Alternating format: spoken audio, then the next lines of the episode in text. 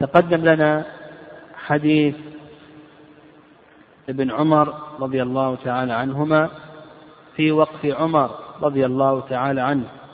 وأخذنا بعض مسائل هذا الحديث ومن مسائل هذا الحديث قول عمر رضي الله تعالى عنه أو قول عبد الله بن عمر فأتى النبي صلى الله عليه وسلم يستأمره فيها يعني يستشيره. في هذا استشارة أهل الفضل والخبرة بالشيء.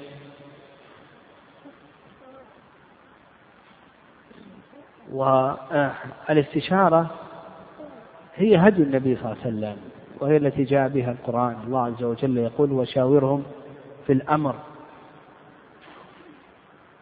ولا ندم من استشار. لأن المستشير يستفيد من آراء الآخرين ومن عقول الغير. وهذا يدل على حصافة عمر رضي الله تعالى عنه حيث ذهب واستشار النبي صلى الله عليه وسلم في هذه الأرض.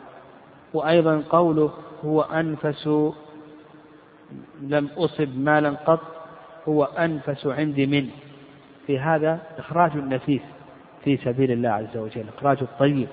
والله عز وجل طيب لا يقبل إلا طيبا.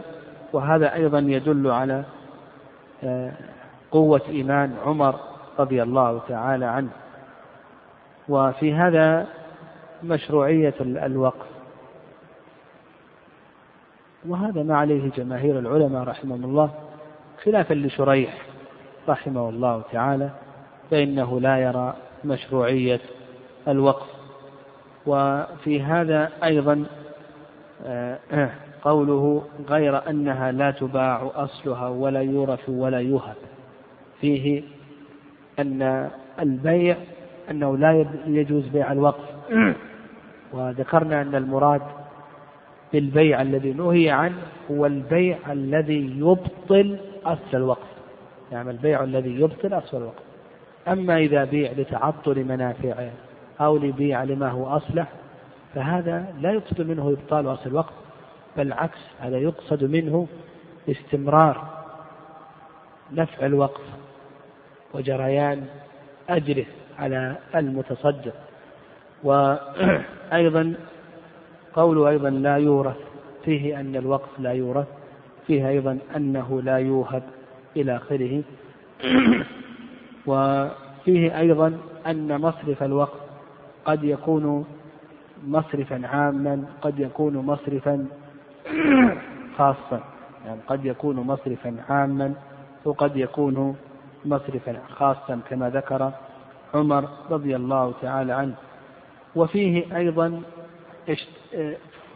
وجوب تنفيذ شرط الواقف. وصحة شروط الواقفين. يعني صحة شروط الواقفين. ومن عبارات العلماء رحمهم الله أنهم يقولون شرط الواقف كنص الشارع. يعني شرط الواقف كنص الشارع.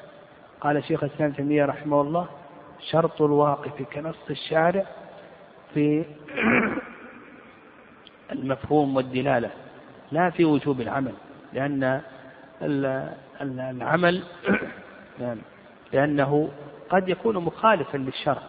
نعم قد يكون مخالف للشرع. فنقول نص الواقف أو شرط الواقف كنص الشارع ما لم يخالف الشرع. وفيه أيضا أنه يجوز لناظر الوقف أن يأكل بالمعروف إذا نص الواقف على ذلك. إذا نص الواقف على ذلك أنه يأكل بالمعروف فإن هذا جائز ولا بأس به. و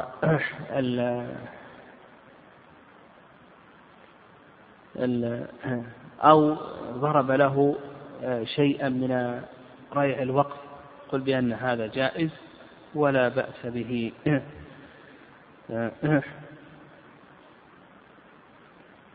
وفي هذا أيضا أيضا الإحسان إلى الأقارب. نعم الإحسان إلى الأقارب والوقف عليهم كقوله فتصدق بها, بها عمر في الفقراء وفي القربى. نعم في الفقراء وفي القربى. قال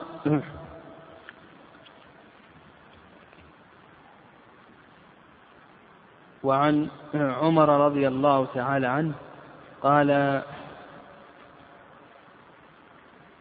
حملت على فرس قبل ذلك يقول باب الهبة.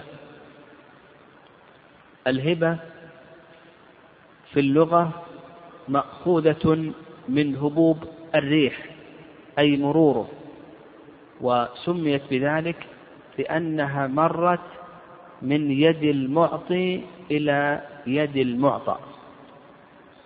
وأما في الاصطلاح فهي تمليك ماله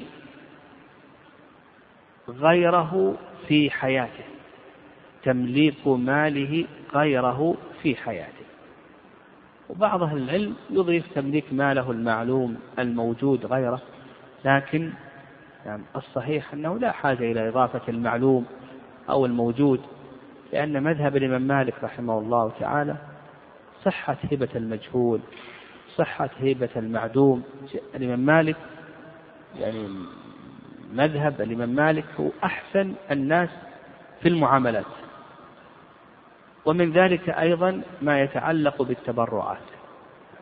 ما يتعلق بالتبرعات الإمام مالك يجوز دخول الغرر في عقد الهبة وعقد الوقف ونحو ذلك لأن هذه الأشياء يدخل فيها الموهوب والموقوف عليه وهو إما غانم أو سالم.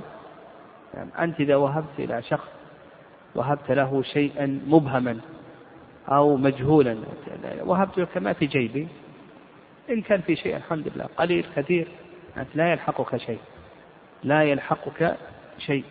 أن تدخل الموهوب له يدخل وهو إما غانم أو سالم.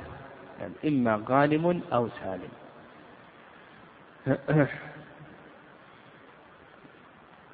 فنقول يعني ناخذ قاعدة فرق بين عقود التبرعات وعقود المعاوضات. عقود المعاوضات يقصد منها الكسب والتجارة فلا بد فيها من الضبط والتحرير والعلم لئلا يقع النزاع. المشاحة موجودة كل يريد الكسب والتجارة. بخلاف عقود التبرعات فإن المقصود منها هو الإحسان والإرفاق. فالواهب والموقف والموصي إلى آخره محسن ما يقصد منها الكسب والتجارة إلى آخره فيوسع فيها ما لا يوسع في غيرها. وعلى هذا يجوز فيها الغرر كما ذهب إليه الإمام مالك رحمه الله تعالى. فهبة المجهول جائزة هبة المعدوم جائزة هبة الذي لا يقدر على تسليمه كسيارة سرقت أو نهبت أو أرض غصبت ونحو ذلك. نقول بأن هذا كله كل هذا كله جائز ولا بأس به. قال عن عمر رضي الله عنه قال حملت على فرس في سبيل الله فأضاعه الذي عنده فأردت أن أشتريه وظننت أنه يبيعه برخص فسألت النبي صلى الله عليه وسلم فقال لا تشتره ولا تعد في صدقتك وإن أعطاكه بدرهم فإن العائد في هبته كالعائد في قيئه. قول عمر رضي الله تعالى عنه حملت على فرس في سبيل الله يعني أعنت رجلا بحمله في سبيل الله على فرس. قوله حملت على فرس في سبيل الله. يعني أعنت رجلا على الجهاد في سبيل الله بحمله على فرس. فأضاعه الذي كان عنده. يعني قصر في نفقته ولم يحسن القيام عليه. حتى أصابه حتى هزل ضعف هذا الفرس. فأردت أن أشتريه فظننت أنه يبيعه برخص فسألت النبي صلى الله عليه وسلم فقال لا تشترك ولا تعد في صدقتك إلى آخره. هذا الحديث يؤخذ منه وقف الحيوان في سبيل الله عز وجل وأن هذا جائز ولا بأس به ويؤخذ منه أيضا وقف المنقول. كما أن الوقف يكون للعقار أيضا يكون للمنقولات.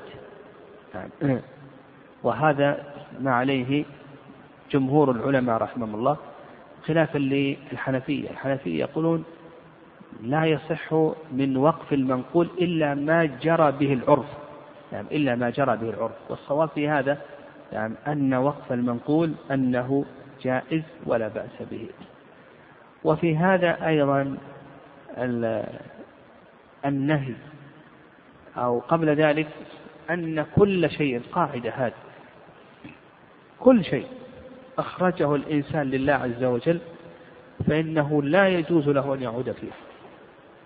نعم أخرجه الإنسان كل شيء أخرجه الإنسان لله عز وجل فنقول لا يجوز له أن يعود فيه. فإذا وقف أو وهب أو تصدق فإنك لا ترجع في هذه الأشياء. ولهذا قال النبي صلى الله عليه وسلم يقيم المهاجر بعد قضاء نسكه ثلاثة ثلاثة أيام ثلاثة أيام فقط. يقيم المهاجر بعد قضاء نسكه ثلاثة ثلاثة أيام.